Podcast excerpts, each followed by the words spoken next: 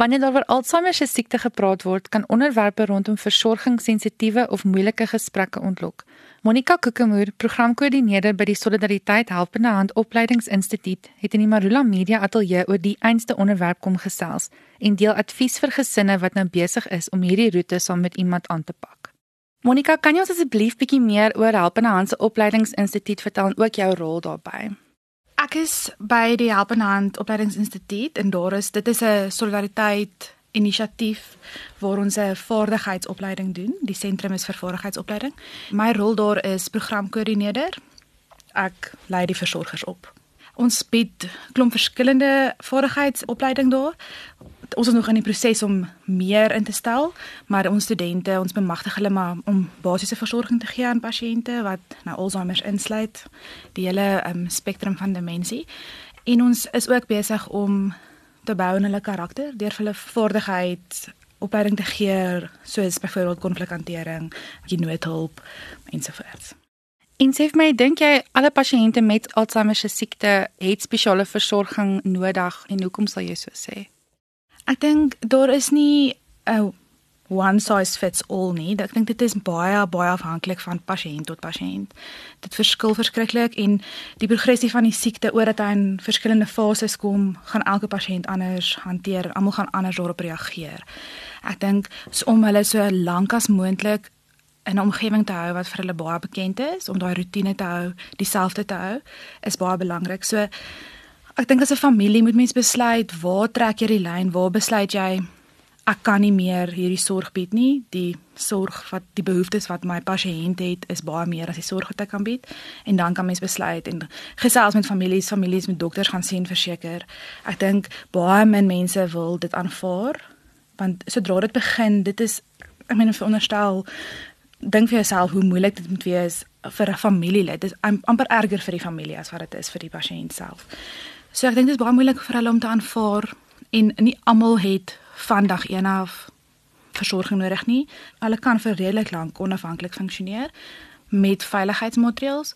So veiligheidsmaatreëls soos maar net die omgewing nie probeer baie rondskuif nie. Seker maak dis gemaklik om rond te beweeg in hulle huise. Goed soos wapens en medikasie en alkohol en daai tipe goed veilig te bære want dit kan 'n probleem veroorsaak. Jy het nou klaar bietjie daaraan geraak, maar hoe sal familielede weet wanneer om versorging te begin oorweeg? Is daar spesifieke tekens of simptome waaraan gelet moet word en is daar ook 'n spesifieke fase waar die versorging al voltyds dan nou sal moet word? Daar is 'n paar simptome waarvoor mense moet oplet, maar dit gebeur nie altyd op een slag en dit is nie so oplettend aan die begin nie. Dis klein goedjies wat verander, soos klein geheueveranderings waar iemand byvoorbeeld 'n gewone gesprek vergeet of iets klein. Hulle het ook gedragsverandering, so aggressiwiteit tree in, want as jy iets vergeet dan hoekom kan ek nie nou dit onthou nie of iets wat voor hulle is, hulle daai visuele beelde, daai persepsie ehm um, kan hulle nie noodwendig onthou wat is nou hierdie ding voor hulle nie, so dan het hulle 'n gewone objek voor hulle en dan kan hulle nie die naam vir dit onthou nie. So kognitiewe agteruitgang is baie baie duidelik. So met kognitiewe agteruitgang kan ek sê hulle vergeet woorde vir spesifieke objekte, maar hulle vergeet ook hoe om hulle self uit te druk en dan as jy half probeer reghelp dan kan hulle sê ek weet hoe om dit te doen. Of jy sien iemand sukkel met om byvoorbeeld tee te maak en dan tree jy in en jy sê dis tee, dan sal hulle ek weet hoe om tee te maak. En dis sulke klein goedjies waarvoor mense moet oplet. Gedragsveranderinge, daai visuele beelde, kognitiewe agteruitgang en op 'n latere stadium raak dit baie erger, maar hulle het ook helder oomblikke. So nou kom ons al hierdie simptome ervaar en dan die eendag dan is hulle heeltemal oukei. Okay. Verstaan nog nie regtig hoekom dit gebeur nie, maar daar is sulke oomblikke. Maar daai simptome gekombineer raak erger. Party dae sal jy hoor iemand sê, "Ouma was vandag nou weer baie erg." Ja, ek dink as mens na daai spesifieke simptome oplet, dan kan mens begin dink daaroor en begin praat met die persoon self. Die pasiënt moet regtig ingesluit word in hierdie besluite. Omdat hulle afhanklik is of hulle of hulle onafhanklikheid wil behou, moet mens ook net besef dis nog steeds 'n mens.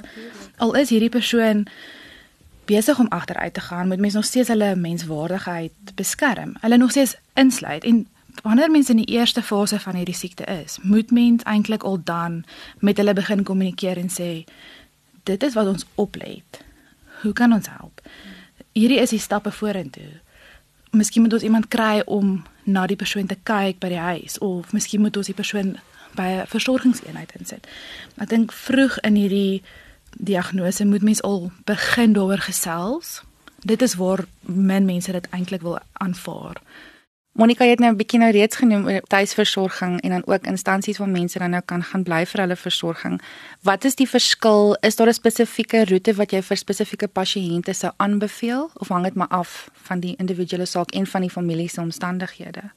Ek dink ja, versorging is definitief gebonde aan die familie en wat hulle kan bekostig, wat in hulle vermoë is om te doen.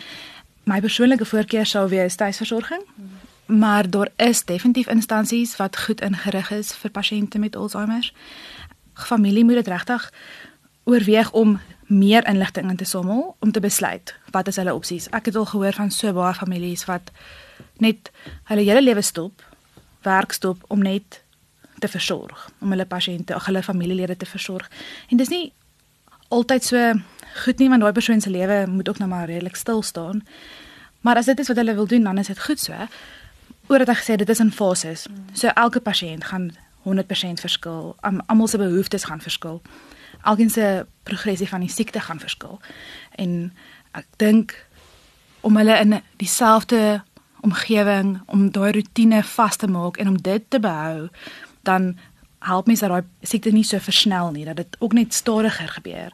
Dit gaan nog steeds gebeur en dis nog steeds einde van hulle lewe. Dis nog 'n fase waar hulle aan die einde van hulle lewe is en ek dink as hulle net baie betrek word en as families regtig dit baie goed deurdink en besluit wat gaan vir hulle die beste wees, is 'n versorgingseenheid vir hulle die beste.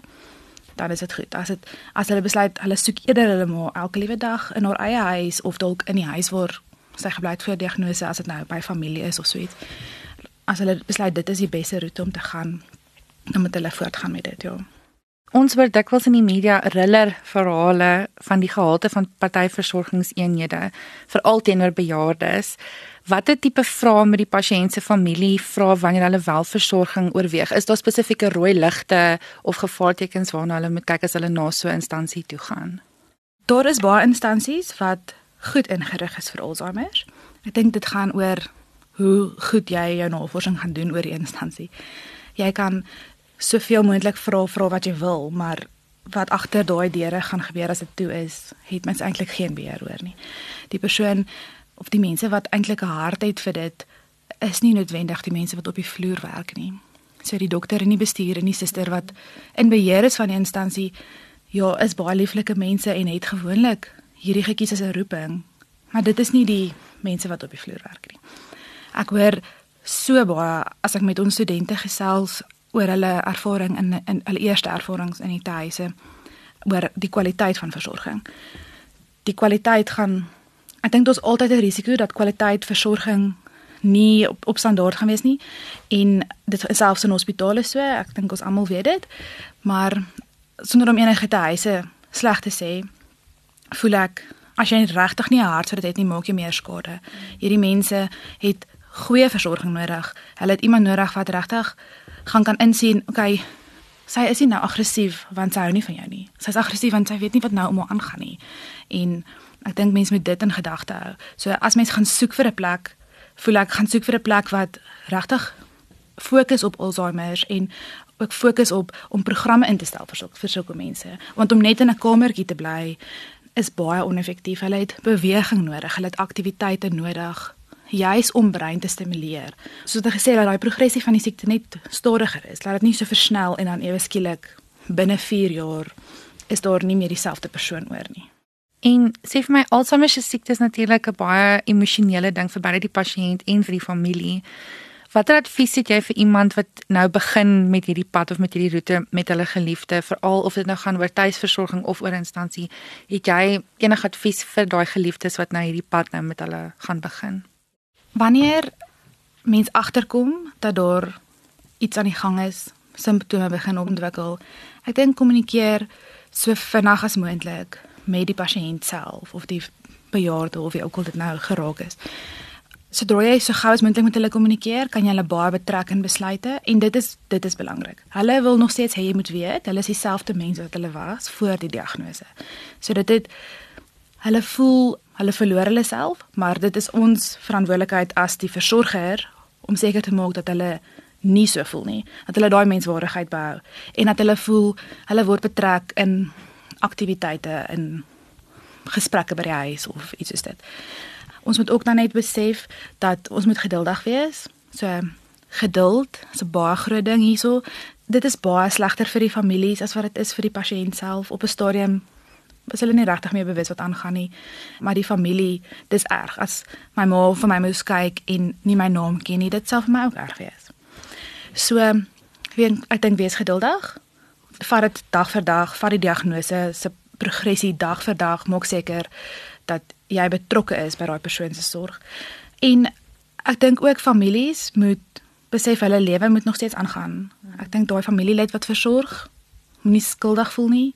Moenie voel dat jy het geval in jou taak as primêre versorger om hierdie persoon van jou te versorg nie. Dit is nie 'n val nie, dit is die verloop van lewe, dit is wat gebeur dink jy moet nog steeds besef jy kan aangaan met jou lewe. Jy kan op 'n punt kom waar jy besluit ek het nou 'n dag af. Maak dan seker jy los jou familielid natuurlik in die hande van iemand wat goed opgelei is. En dan ingeligte besluite. Dis baie belangrik. Maak seker jy kry al die inligting wat jy nodig het. Dit is 'n daar's 'n dis 'n wye spektrum. So Alzheimer val onder demensie. So daar's regtig baie verskillende dimensies. En Ek dink as jy as 'n versorger of 'n primêre versorger van so 'n persoon, as jy jouself goed genoeg inlig, dink ek kan jy regtig baie goeie versorging vir so 'n persoon gee. Hulle wil nog steeds hê ons moet weet, hulle is nog steeds dieselfde mens. Hulle wil nog steeds met respek en met deernis hanteer word.